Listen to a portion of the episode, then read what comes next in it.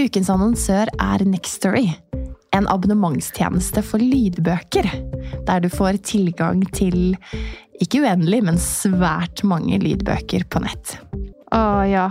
Et helt univers, rett og slett. For meg har det passet perfekt nå i vinterferien. For da har jeg hatt ekstra tid eh, til å gå lange turer og lytte til bøker. Og så har jo vi en date i kveld, eh, Ingvild. Eh, vi skal på teater og se Anna Karenina. Så da bestemte jeg meg for å bruke Next Story for å lese gjennom den på nytt.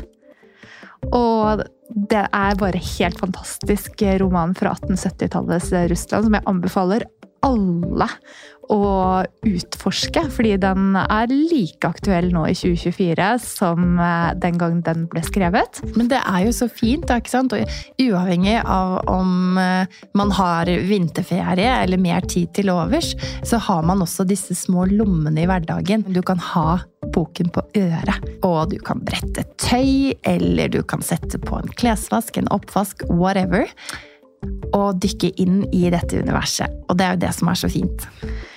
I, eh, I, tillegg, da, når uh, disse små Dine kommer med den samme boken for 15. gang, Ingvild, og spør ja. mamma kan du lese denne, så er selvfølgelig det veldig hyggelig, men det kan også være eh, vel så hyggelig å, å få eh, boken servert fra noen andre, så kan man lytte sammen.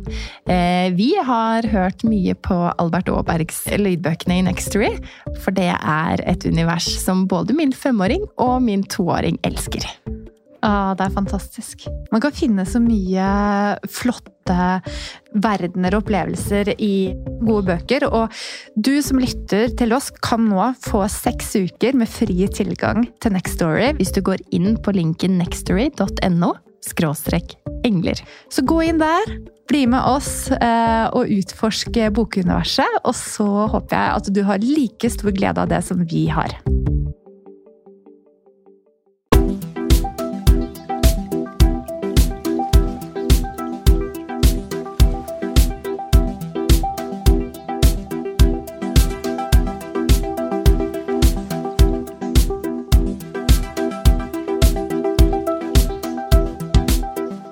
Velkommen til Engler og hormoner.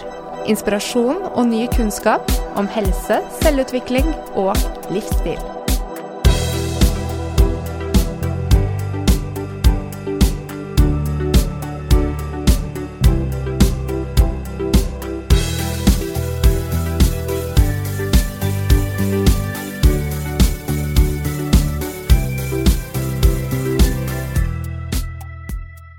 Julen nærmer seg, og savnet etter de som har forlatt oss, kommer gjerne til overflaten. De tomme stolene og tradisjonene gjør noe med savnet. Den blir tydeligere. Samtidig er dette tiden for ettertanke og ikke minst nærhet til de vi har kjær. Døden er noe de fleste av oss frykter, og vi velger ofte ord som han er gått ut av tiden og hun har forlatt oss fremfor å bruke ordet død. Hvorfor er det sånn? Og hvorfor ser vi på døden med slik en avstand og frykt, når det er helt sikkert at den vil komme? Hvordan kan en finne aksept for døden og forsone seg med den, både som døende og som pårørende? Døden er en hendelse, og det er egentlig ingen som vet hva som skal skje etterpå. Men på et hospice så får de som er der og venter på døden, tid til å forberede seg og ta farvel med sine nærmeste, under medisinsk oppsyn og under veiledning fra fagpersonell. Mange får muligheten til å bruke tiden til avklaring, aksept og forsoning. Døden kan for mange ellers komme ganske brått og uventet. Hva kan vi lære av denne prosessen som skjer på et hospice, for å ta bedre vare på livet vårt, slik som vi lever det hver eneste dag, men fremdeles i uvisshet over hva som venter oss i fremtiden. Så i dag vil vi gjerne invitere inn Anne til studio, til det vi tror kommer til å bli en nær samtale om noe av det vanskeligste og mest naturlige i verden. Anne jobber som overlege på Hospice Lovisenberg. Hjertelig velkommen til studio, Anne. Tusen takk. Eh, veldig koselig å få komme hit. Satt veldig pris på å bli invitert. Uh, ja, jeg heter da Mitt fulle navn er Anne Marendal. Eh, og jeg har eh, Altså, jeg er indremedisiner i bunn, da, men har faktisk jobba som overlege på Hospice Lovisenberg helt siden eh, januar 2011, så det begynner jo å bli noen år. Eh, og jeg har eh, videreutdanna meg da i palliasjon, dvs. Si jeg har tatt et kompetanseområde i, i lindrende behandling, da. Palliasjon og lindrende behandling er det samme. Um, ja, det er Jeg kan si litt om, om hospice, da. Mm. Um, hospice, hospice Lovisenberg, det er jo uh, Det fulle navnet er jo Hospice Lovisenberg senter for lindring og livshjelp. Uh, og det er klart, uh, det hospice-navnet er det jo veldig mange som forbinder med, med nettopp døden. at dette er et sted hvor Altså, det er på en måte dødens forgård. Her, her dør De som kommer hit, de dør. Mm. Og det er nok en litt sånn, hva skal jeg si, eh, myte.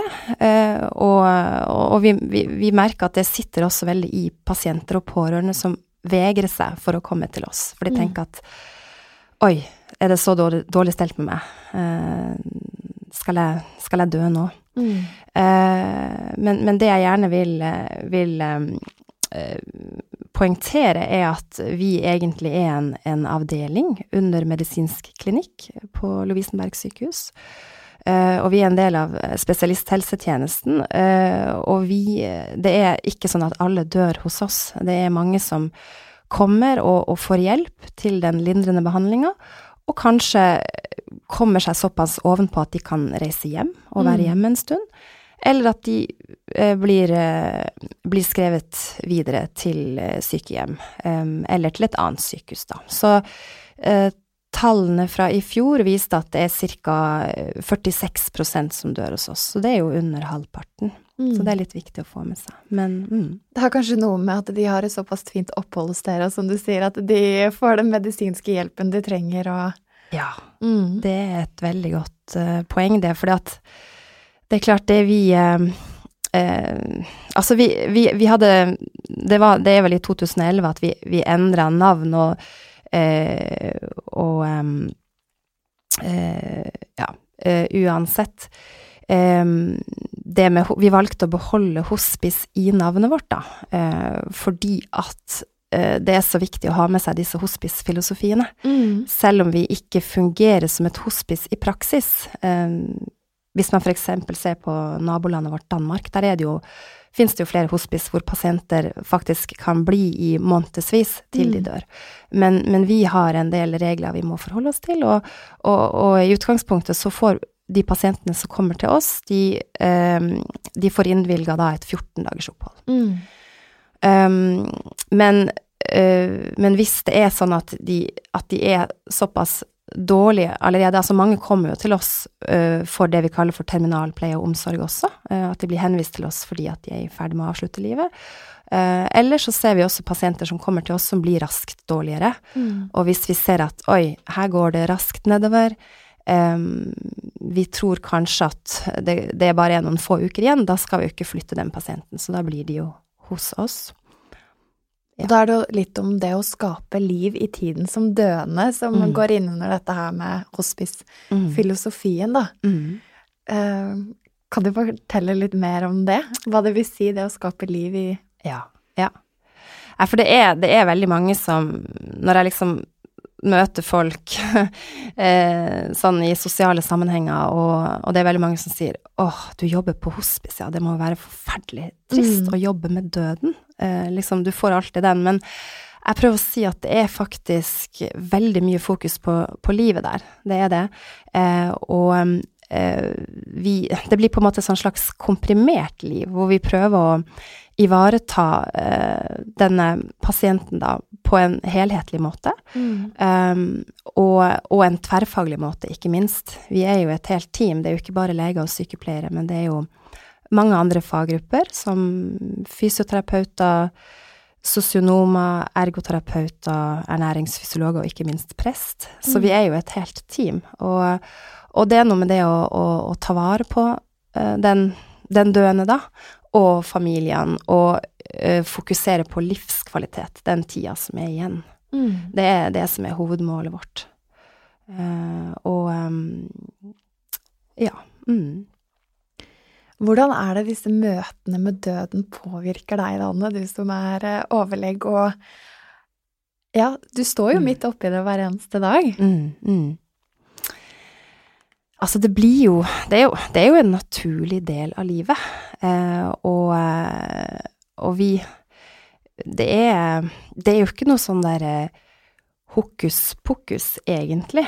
Vi, vi er opptatt av at, at vi skal snakke direkte om døden, og at vi eh, skal på en måte snakke med pasienten om det um, helt åpent og ærlig, og bruke ordet død. Mm. Og ikke bruke eh, ja, du skal snart vandre, eller ja, det finnes jo veldig mange andre måter å, å si det på. Eh, men rett og slett snakke om døden. Og, og vi, når de kommer til oss, altså i denne første samtalen, eller innkomstsamtalen, så går jeg, ja, i det aller første møtet så går jeg litt inn på hva de, hva de selv tenker i forhold til um, um, situasjonen sin og framtida, uh, og om de er redd for å dø. Uh, jeg spør veldig tidlig om det. Mm. Uh, og jeg tror det er veldig mange leger som vil unngå den samtalen, for de er redd for at man skal på en måte krenke eller skyve de fra seg eller sånne ting. Men de fleste pasientene jeg møter, de blir veldig glad for at jeg er så åpen allerede i første møte, og Mm. spør hva de selv tenker om døden. Om de frykter den, og om de tror på et liv etter døden, og Mm. og, og ikke minst, eh, hva er viktig for deg nå? Um, ja. Så etter du har møtt eh, den døende på første møte, Anne, eh, har dere også samtale med de pårørende? ja, altså, eh, det er Ivaretagelsen av de pårørende er jo like viktig som ivaretagelse av pasienten og den døende. Eh, det er Så det, vi, vi bruker så ofte som mulig å ha med pårørende i samtale. Det hender jo at pårørende er med i innkomstsamtalen, men det er jo selvfølgelig pasienten sjøl som definerer hvem de vil ha med eller ikke. Men, eh, men det er viktig å ivareta de nærmeste, og vi tilbyr også eh, separate samtaler til de. Og det vi ofte ser, er jo at den, den døende er jo veldig klar over at eh, han eller hun er syk og, og skal og har kort tid igjen. Altså det er et eller annet med at de, de har på en måte forberedt seg. Men det er ikke alltid at de har klart å kommunisere så godt med, med familien og de nære om det. Så vi opplever vel ofte at um, de pårørende kan være på et annet sted. At de kanskje ikke har kommet like langt i prosessen. Mm. Og da er det en utfordring for pasienten og de pårørende å snakke sammen. Det kan være det, fordi at de er på forskjellig sted, og den døende, eller pasienten da som er alvorlig langtkommen syk, vil gjerne skåne sine nærmeste. Det, er, det ser vi veldig ofte. Og der kommer kanskje vi inn som en, en hjelp og en fasilitator i samtale, sånn at de kan få snakke sammen om det som er viktig. Mm. Og det å faktisk bruke ordet død, og, og kunne svare på ting som de, de lurer på.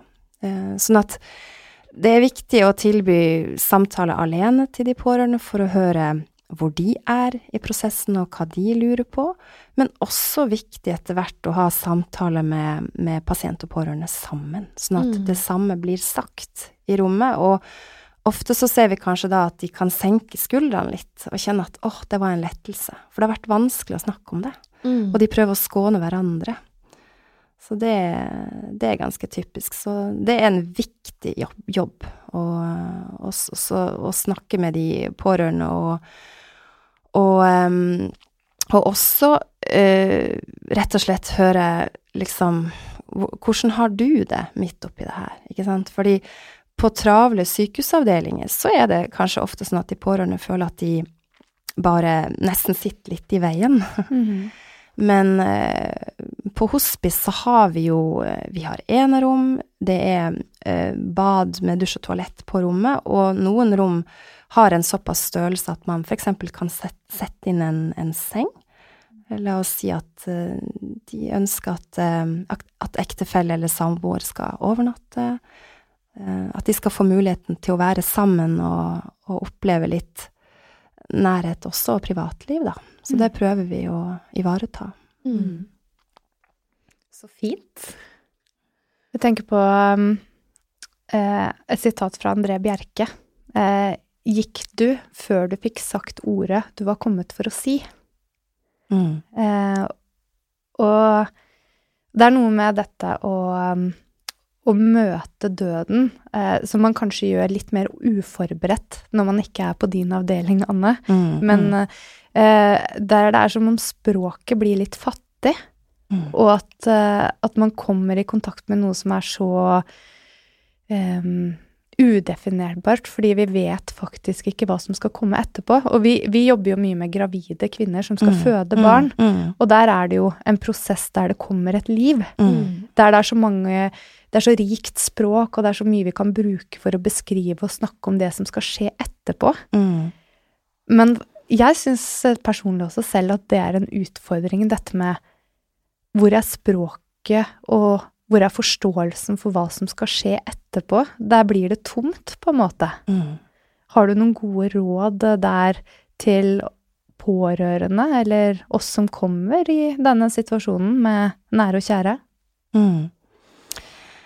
Nei, altså det er jo Det som er viktig her, er jo at de, de pårørende, de nære og kjære, at, at, at vi først og fremst får kontakt med de og får snakka med de, sånn at de forstår at eh, pasienten har kort tid igjen, og kanskje ja, kommer til å, å dø ganske snart. Sånn at man rekker å få snakka sammen. Sånn at man, man rekker å få si eh, Altså, én ting er å ordne, ordne opp i praktiske ting, men bare det å få sagt at jeg er glad i deg, eller få sagt de viktige tingene, eh, og, å, å rekke å si det. Um, men, uh, men samtidig så trenger man jo kanskje ikke å si så mye heller. Det, det jo Det viktigste er jo egentlig bare å, å være der, i hvert fall når de begynner å bli såpass dårlige at man kanskje ikke klarer å, um, å prate noe særlig eller gi noe særlig respons. Uh, Mm. Så er jo nærværet uh, viktig, at, at man bare er der. Man trenger jo ikke å si så mye.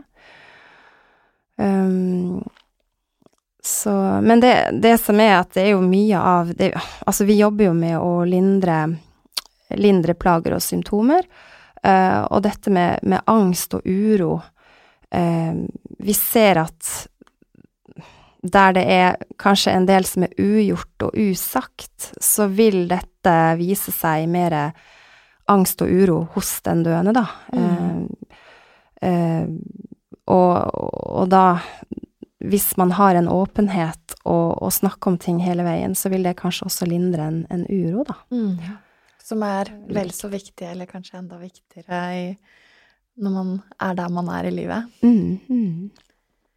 Jeg tenker tenke på dette med ensomhet på hospice som døende, og ja, at det kan være en redsel for de pårørende, pårørende, at man ønsker å skåne hverandre, som du sier. Så jeg tenker det er så fint at dere er der og kan hjelpe til med å få i gang den samtalen og Ja. Kanskje ufarliggjøre døden litt også. Det er klart at um, Altså, det, det som jeg syns er litt interessant når jeg, som sagt, i, første, i, i de første møtene med pasienten, så prøver jeg å kartlegge um, er, du, er du redd? Kan du si noe mer om, om hva du er redd for? Og de, de Det er veldig sjelden at de er redd for Altså at pasienten selv er redd for å dø. De er Ja. ikke redd for selve døden, men de er redd for smerter eller plager eh, i den tida fram mot døden, da. I, i dødens venteværelse. Og, og der kan vi komme inn ganske tidlig og faktisk berolige ved å si at vi har eh, mange medisiner, og vi har mye å gå på i smertelindring og det å lindre uro.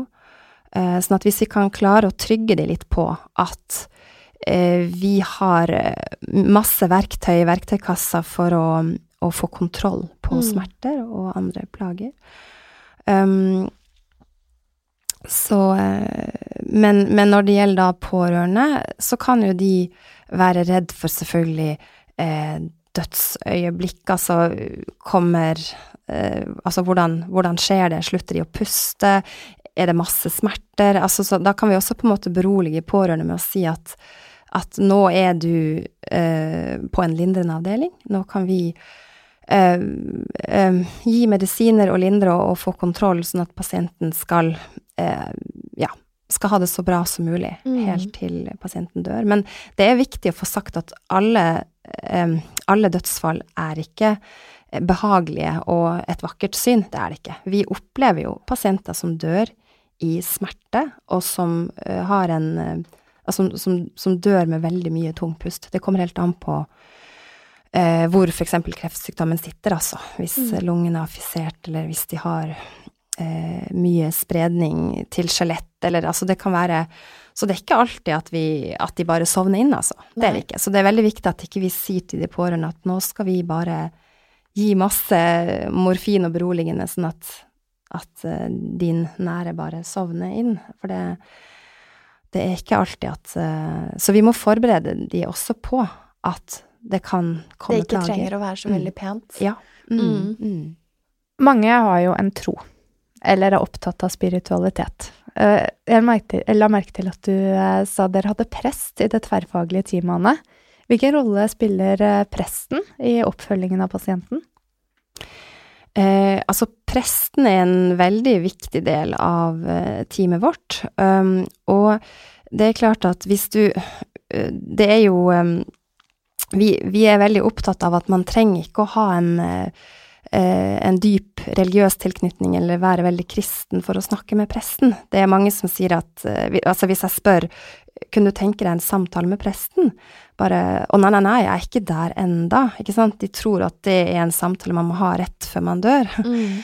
Men eh, Eller at nei, jeg er ikke kristen, så det vil jeg ikke. Men det vi prøver å si, er at presten er en veldig god samtalepartner.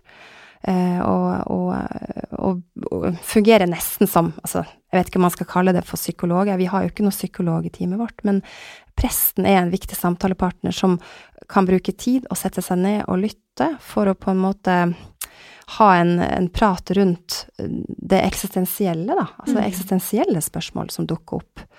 Uh, og, og, og, mange opplever det som veldig, veldig godt. Og det vi ofte Vi bruker vel ofte å presentere det på en sånn måte at vi sier at du, vi har en, en hyggelig prest her som er en del av teamet vårt. Uh, uh, kunne du tenke deg en prat med han? Uh, og hvis de sier nei, eh, jeg er vel ikke, jeg vil ikke helt der, eller eh, det kunne jeg ikke tenke meg, så bare ja, men har du noe imot å hilse på presten, da? Nei da, det går fint. Mm. Og så kommer bare eh, presten og hilser og presenterer seg, og så er det veldig ofte at de da får en god prat. Mm. så, så man kan liksom se bort ifra den derre er det prestesnippen det heter, på en måte. Altså rett og slett en god samtalepartner. Det er klart, mm. vi er jo alle gode samtalepartnere eh, der, både leger og sykepleiere og teamet for øvrig, men, men, presten har altså muligheten til å sette seg ned og, og, og lytte og, og, liksom virkelig eh, gå inn i disse mer ja, det eksistensielle, da, og de eksistensielle spørsmålene. og og ha fortløpende samtaler, og veldig mange det, det tror jeg kan ha en veldig beroligende effekt på mange, altså. Mm. Mm. Ja, og pressen har jo den funksjonen også på flere andre områder i samfunnet. Og jeg tenker mm. på ja, i kriseteam videre som gjerne kobles opp hvis det er mm. ja, brå uventet dødsfall, eksempel, eller mm. det er ja, mm. andre større ulykker som har skjedd også, så spiller jo de en stor rolle uten at nødvendigvis er det voldsomt religiøse som er bak, men at de er en god samtalepartner. Mm. Jeg syns det er litt fascinerende dette med at vi, vi, snakker jo om kropp og funksjoner og medisiner og fysiologi, og så er det dette med det åndelige, da. Mm. Noe som svever i oss. Hvor er sjelen? Hvor skal sjelen? Mm. Eh, mange store spørsmål som dukker opp når man, eh, mm. når man snakker om død. Er det mm. samtaler som dere har dere mellom, eh, som jobber sammen eh, på avdelingen også? Faktisk veldig lite fordi at det, vi har bare et så naturlig forhold til det. Eh, mm. Og det blir vel kanskje mer det, det rent konkrete, altså. Altså det som I hvert fall i, i samtale med meg som lege, så lurer jo ofte pasient og pårørende på hvordan eh, hva skjer med kroppen min når jeg er i ferd med, med å dø? Hvilke, hvilke tegn er det vi ser etter? Um, og eh, så har vi jo eh, Ja, så kan vi jo ikke si noe om hva som, hva som, skjer etterpå, egentlig. Det kan vi ikke, og det er vi jo helt ærlige på. Mm. Uh, men uh, Og så er det jo alltid en Ofte når de, når de dør, så er det jo en, en periode hvor de Eh, på en måte trekker seg mer inn i seg selv, er mindre tilgjengelig for omgivelsene. Det, de pårørende vil kanskje ikke lenger få en samtale fordi at pasienten ikke klarer å å respondere verbalt, da. Mm. Men det vi bruker å si, er at, at hørselen er jo det siste som, eh, som slutter å fungere. Så hørselen er jo der til siste slutt. Så vi oppfordrer jo de, eh, de pårørende til, å, til å, å, si det de har å si, og, og, eh, og prate med, med, den døende, mm. selv om den døende ikke klarer å, å kjøre en dialog. Mm. Så Og også dette med eh, ja, litt inne på det med, med uro og sånn, for at de pårørende er jo veldig opptatt av eh, Har, har eh, for eksempel ja, den, den nære pårørende har, eh, har han eller hun smerter? Er han eller hun plaget? Og, og, og hvordan kan vi vite om, eh, om hun har plager eller smerter, eller ja, når hun ikke kan si noe lenger eller gi uttrykk for det. Mm. Og da prøver vi å si at vi ser på, på, kroppsspråket, vi ser på er det en smerterynke der i panna, er det en motorisk uro? Det er liksom det vi går etter. Mm. Så målet vårt er jo å lindre såpass godt at, at pasienten ligger fredelig, har et fredelig uttrykk i ansiktet, ikke har den der motoriske uroen. Selvfølgelig eh, de må jo få lov til å bevege på seg. Det gjør jo vi òg, som, som, ikke er døende, holdt på å si. Men, men det er i hvert fall sånn vi beroliger de, på, de pårørende, da. At vi, eh, hvis vi, hvis vi har Hvis vi er det minste usikre på at det er en smerte der, eller at det er en uro der, så, så gir vi heller litt ekstra mm. uh, av beroligende eller smertestillende, sånn at de skal eh, at de skal være rolige og, og fredelige. Mm. Mm. Hvordan er det det å holde i hånden, for eksempel? Det, føleligheten er vel også ofte til mm, stede. Mm, det er et veldig viktig poeng, altså, fordi at uh, det er jo Det der å bli tatt på, det er jo uh, Det har jo en beroligende effekt i seg sjøl. Uh, eh, så det er både nærvær og det å holde i hånda og, og stryke og, og sånne ting, det, det, kan være veldig godt. mens noen pasienter får jo faktisk bli mer får en økt følsomhet i, i huden, da. Ja. Um, av en eller annen grunn. Så at, at de kanskje ikke syns det er så godt å Men altså, det å holde en hånd kan man jo gjøre, men det der å bli strøket på og sånn Men det varierer. Men, men det er jo et viktig poeng sånn litt tidligere i forløpet, altså før de er døende, at uh, fysioterapeuten vår er jo en viktig del av teamet.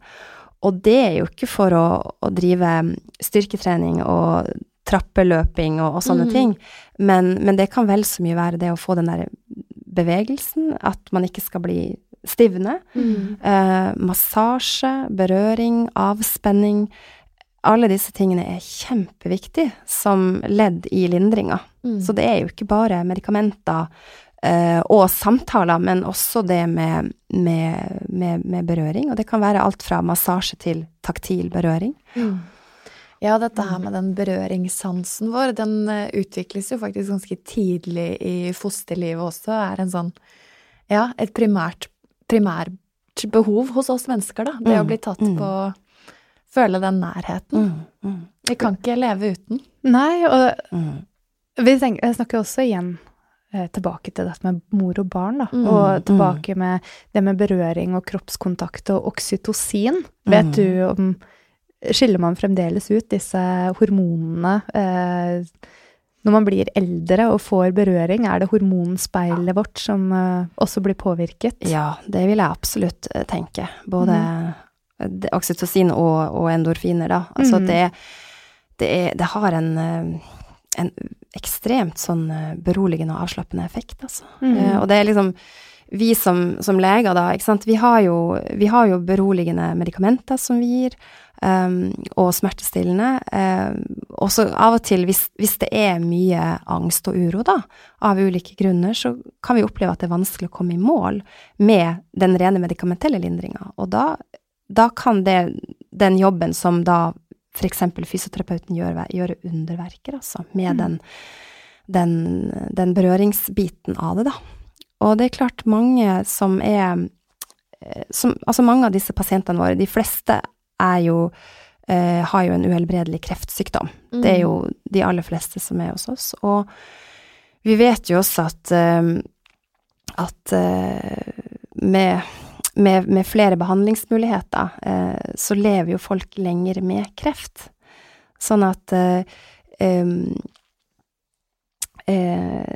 de, de, kan ha gått lenge og vært eh, svekka og, og fatigue-prega og følt seg sjuk, og det kan ha påvirka f.eks. For eh, forholdet til, eh, til, samboer, kjæreste, ektefelle, at det kanskje ikke har vært så lett å ha den, eh, den nærheten eh, og den eh, ja, seksualiteten, altså, å, ha fokus på det, det ikke sant. Det kan mm. være veldig vanskelig, det der å være nær og ta på hverandre og være kjærlig når, eh, når den ene er så syk og sliten og tappa for krefter og kan ha mye vondt og, og ubehag og Og de pårørende blir vel også slitne? Ja, absolutt. Mm. Absolutt.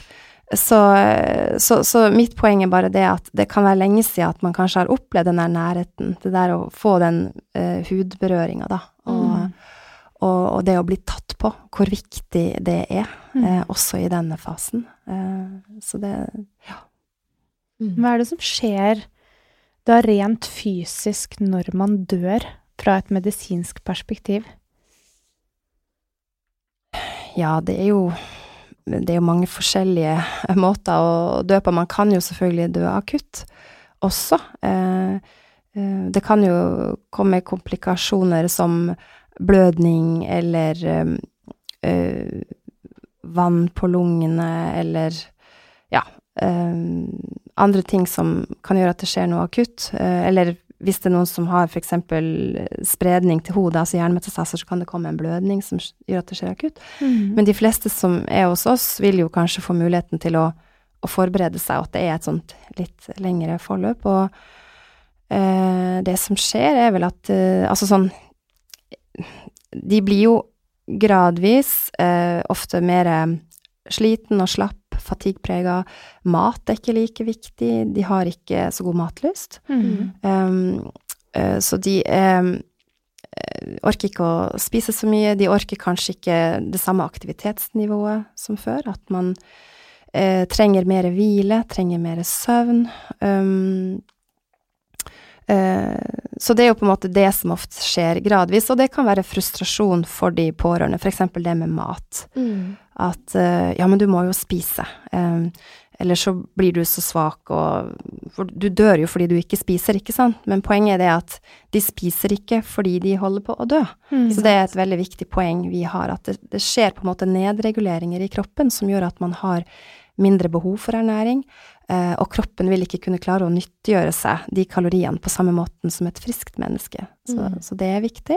Og dette med ja, fatigue, den der utmattetheten, er det veldig mange som opplever, og at de da ikke klarer å opprettholde de dagligdagse aktivitetene lenger, de klarer kanskje ikke å jobbe, de trenger å sove på dagtid. Og det kan også være en frustrasjon for de pårørende. Mm. Så det er veldig viktig å kommunisere og informere om hva, hva fatigue er. Mm. Og det er ikke noe man bare Man kan ikke bare ta seg sammen.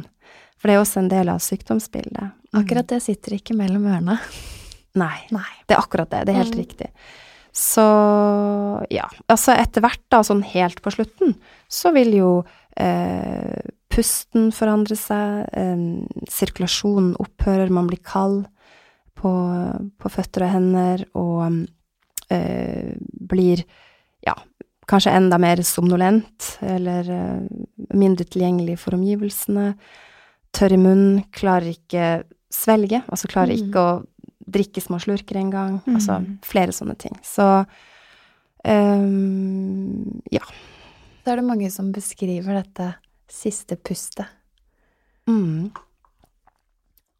Ja, at det, det siste åndedraget Siste åndedraget. Ja, ja. Det kan jo For det som Altså, det der klassiske er jo at uh, at pusten varierer, da, fra å kanskje være overfladisk til å at det er lange pustestopp, da. Mm. Uh, så hender det jo kanskje at man trekker et, et dypt siste sukk flere ganger, Ja. ikke sant? Men uh, ja, det, det, det er en måte det skjer på. En annen måte som vi ofte ser, er jo at det kan bli mye, mye surkling på slutten. Det som man kanskje ofte kaller for dette med dødsralling. Det er Mhm. litt mer sånn på folkemunne. At det, eh, at det blir eh, eh, mye surkling, eh, som ikke nødvendigvis er plagsomt for pasienten sjøl, men for de som står rundt. Mm. Og da må vi forklare det, at eh, din kjære er ikke plaget av dette, dette her er noe som på en måte raller eller høres i rommet. Eh, men vi gir da ofte vel, vi er fort ute med å gi medisiner som tørker det ut, sånn at ikke det skal eh, Ja, sånn at vi skal få lindre det, da. Mm. Mm. Hvordan er stemningen i rommet rett etter en person har gått bort? Dødd. Død. Død, faktisk. Ikke, Mm. ja. ja, det, altså det kommer også veldig an på både Ja, det første jeg tenkte på, kom litt an på nasjonalitet. For vi har jo en del eh, muslimer hvor det, det faktisk er litt sånn at de pårørende kanskje lager litt mye støy, da, fordi at det ligger i kulturen. Mm. Det var bare litt sånn litt interessant å ta med. Men eh, det er liksom bare veldig sånn dyp Hva skal jeg si? Det er en sånn dyp respekt og en sånn ærefrykt ved det. Eh, at eh, Fordi vi er liksom Vi vet jo ikke eh, hvor, hvor har det blitt av denne sjela, liksom. Mm. Eh, så jeg hver gang For vi må jo inn og syne, da. Et, eller som lege går du inn og syner Mm. dette døde mennesket, og jeg bruker alltid å ta meg tid og står og liksom er stille og, og bruker noen minutter ved senga og eh, Altså bare i, i respekt, da. Hvor, Mm. hvor er du nå, på en måte? Så det, det vet vi jo ikke, men det er det, er, det er veldig sånn Hver gang det skjer, så, så er det veldig underlig, og man får nesten litt sånne eksistensielle Ja. spørsmål sjøl, Ja. fordi vi vet jo ikke. Nei. Vi Mm. gjør jo ikke det, og det, det er jo noe vi ikke kommer til å finne svaret på i dag, men som, eh, som vi selvfølgelig fortsetter å tenke på og filosofere over. Mm. Men det som vi kan gjøre noe med, det er hvordan vi lever livet vårt. Og der tenker jeg på erfaringene kanskje som du sitter med, du som faktisk har mulighet til å snakke med disse som er på vei til å avslutte livet. Eh, er det slik at eh, det er spesielle ting som går igjen, som, som man kan sette fokus på, er viktige elementer for god livskvalitet? Hva er det de ser tilbake på med glede? Nei, det er, jo, det er jo veldig interessant, og det, og det er jo på en måte ikke opp til oss å, å definere hva er det som er livskvalitet for deg, eller hva er det som er viktig for deg. Så det er, noe, det er veldig viktig for oss å få fram det i disse første møtene. Mm. For vi, vi, som, vi som helsearbeidere og hjelpere, da, vi, vi tror vi, vi vet så godt hva som er best for deg, ikke sant? Hvordan vi skal hjelpe den syke best mulig. Men, men det kan jo også variere veldig, så det er viktig å få fram hva er viktig for deg nå? Mm. Eh, hva er viktig for deg, og hvem er viktig for deg? Eh, og, og bruk tida godt, på en måte. Um, så så det er jo Noen, noen syns jo bare det er godt det der å få lov til å ha ro og fred, ta en dag av gangen. De setter pris på de, disse små samtalene, de setter pris på gode smaker. Altså, det har jeg glemt å si, men vi har jo også en kokk på hospice. Ja. Og det er veldig, veldig eh, viktig, altså. Det der å bare få en, um, få en smoothie eller litt oppskåret frukt, eller bare mekke sammen en omelett eller et eller annet, bare sånn at de skal så, så mange syns jo det er godt, men det viktigste er jo dette med at de Eller de, de fleste sier jo at det er de kjære, de nære og kjære, Mm. de nærmeste, som er viktigst. Um, og vi snakker også litt om det at, det at man må porsjonere ut kreftene sine, for man har mindre krefter å gå på. Mm. Uh, hva vil du bruke tida di på, og hvem vil du bruke tida di på? Uh, og, eh, og noen syns kanskje det er slitsomt med, med veldig mye besøk av perifere, for, Mm. for å si det sånn, og syns kanskje det er vanskelig å sette grenser. Og der kan vi hjelpe til, da. At det, det er de, de nærmeste ofte som er viktigst, og som de har lyst til å samle krefter til å bruke tid med, da. De pårørende er jo ikke alltid voksne, Anne. Noen ganger så er det barn som skal miste sine nærmeste. Gjør dere noe annerledes i forhold til barn, enten som pårørende eller de som skal dø?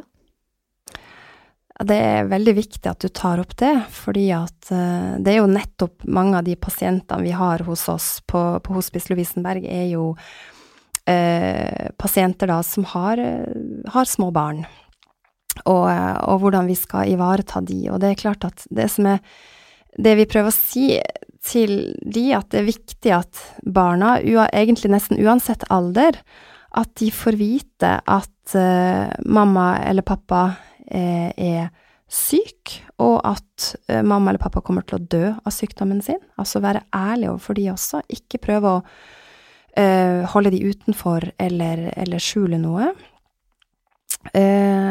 Og så er det viktig da, altså barn de, de går jo på en måte inn og ut av eh, lek og hverdagsliv, og og det vil de fortsatt gjøre. De vil kanskje gå i barnehage eller på skole eller sånn, men så eh, vil de kanskje Av og til så dukker det opp da spørsmål eh, til de voksne, og da er det Mm. viktig å, å være der for de når de spør, og når de lurer, og, og gi helt ærlige svar. Ikke prøve å gå rundt grøten der heller.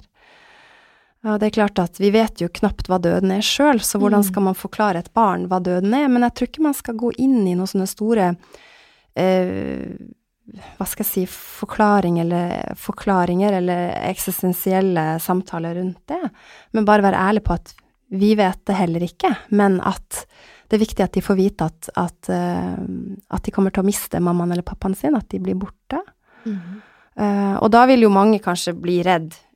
Liksom, ok, hvis mamma blir borte, kommer pappaen min også til å bli borte da, ikke sant? Mm. Det er jo helt naturlig at de da blir redd, men prøv å berolige og forsikre om at uh, pappa er frisk, pappa skal være hos deg, og passe på deg, men, uh, men, men mamma uh, Mammaen din kommer til å dø. Um, så det er vel egentlig det som er det viktigste, og så ta de med i hele prosessen. Altså det vi sier, hvis, hvis vi har en mamma da som, som ligger og skal dø på hospice, at eh, barnet får komme dit og se hvordan det er på det stedet der mamma dør. Mm. Hvordan ser det ut, sånn at de har et konkret forhold til det. Hvor er det?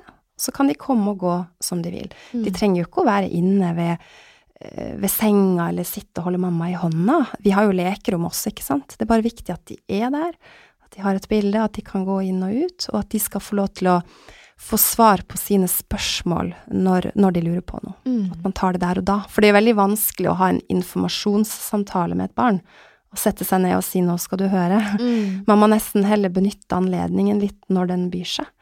Eh, Men alltid være ærlig, fordi at eh, barns fantasi er jo helt grenseløs, egentlig. Eh, Så jeg tror det er mange som i etterkant, hvis de ikke har blitt tatt med og liksom blitt holdt utenfor, så, så sliter de mye mer i etterkant med, med, med angst og uro, og, og får trøbbel i forhold til det. Mm. Det er en fantastisk jobb dere gjør, Anne.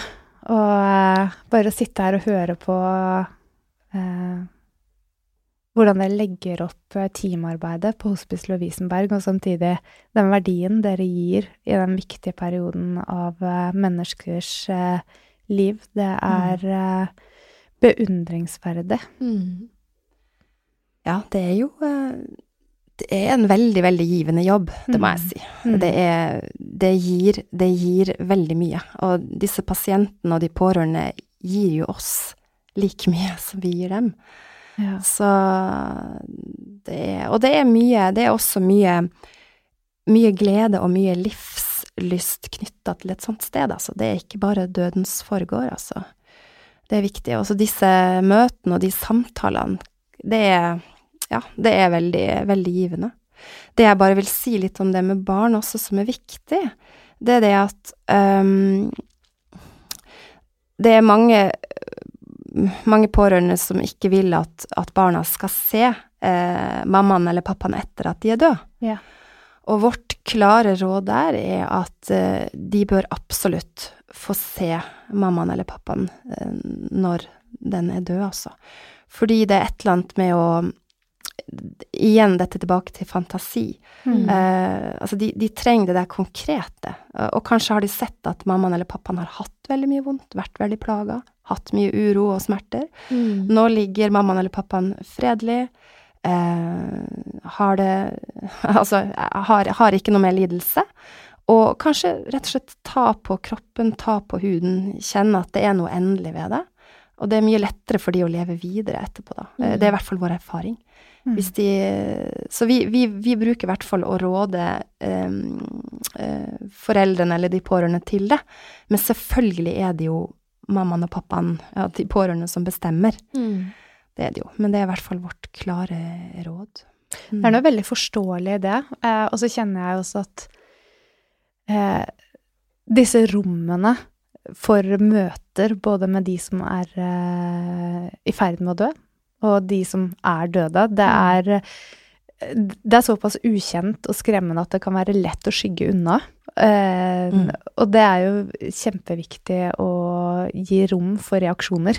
Mm. Eh, og det med fantasi, det gir Mm. veldig mening. Mm. Eh, det skjønner jeg godt, Mm. hvordan det kan eh, hjelpe. Og kanskje har de også lyst til å ta et sånn siste farvel. Mange har tegna en tegning som de liksom vil eh, at, eh, ja, at skal bli med i kista, eller Mm. ja, som mammaen eller pappaen skal få med seg. Men det er klart, dette her er Det er utrolig tøft når det er små barn involvert, altså. Og det Jeg kan også nevne det at vi har, um, vi har flere Eller vi har flere sykepleiere hos oss, og også en fysioterapeut som er eh, er barneansvarlig, altså som på en måte har ekstra kompetanse på det med, med, med barn. Samtale med barn, og samtale med, med foreldre, hvordan de skal forholde seg til barna. Mm. Så det mm. veldig sterkt. Går det an for de som eh, har lyst til å lære mer om dette, å finne informasjon noe sted? Har du noe sted å tipse om som vi kan oppsøke for å finne mer informasjon? eh, Det er jo Vi har jo eh, hjemmesider. Altså Hospice Lovisenberg, Senter for lindring og livshjelp. Og så er det også egne Facebook-sider. Da tror jeg vi skal linke til de i, på Instagram. Så kan de, eh, dere som lytter, som eh, trenger mer informasjon, finne det der. Kan jeg si en ting til? Selvfølgelig. Eh, en ting som jeg også vil nevne, er at vi har eh, eh, veldig mange frivillige som jobber hos oss. Mhm. Så det, det er en ting jeg kan ta med. Jeg, jeg husker ikke akkurat antallet, men det er veldig mange som jobber frivillig. Og de gjør en vanvittig jobb med å pynte med blomster, ordne alt mulig sånn praktisk. De kan ofte eh, prate med pasientene, ta dem med på en tur. Ja. Så det, det er også en veldig viktig jobb som gjør at man, eh, at man får gjort den tida så bra som mulig for de som er der. Mm. Kvalitet til livet. Mm. Det er jo noe vi kan ta med oss inn i jula, da. Og Mm. sørge for å, å gi kvalitet til livet til de som står oss nærmest, og Mm. leve Mm. så godt som vi bare kan Mm. hver eneste dag. For dette er den siste episoden før jul. Ja. Og i morgen, Ingvild, Ja. da Da sjekker faktisk Helene inn på Hospice Lovisenberg i morgen onsdag 12. desember. Da kan vi se det fra innsiden. Mm, det gleder jeg meg veldig til å se. Og så bør vi kanskje bli litt flinkere til å spørre oss selv om vi gjør de tingene som vi bryr oss om, og forteller de rundt oss hvor mye de betyr for oss Mm. hver eneste dag. Hvis du vil vite mer, så følg oss på Instagram på at engler og hormoner, der vi kommer til å legge ut mer informasjon om dette temaet, og ikke minst si hei til dere gjennom eh, juletiden. Mm. Dette er den siste episoden før jul. Da må vi bare ønske riktig god jul til alle dere lyttere. Og til deg, Anna. Tusen takk for at du kom. Tusen takk. Takk. Smurf, Mona.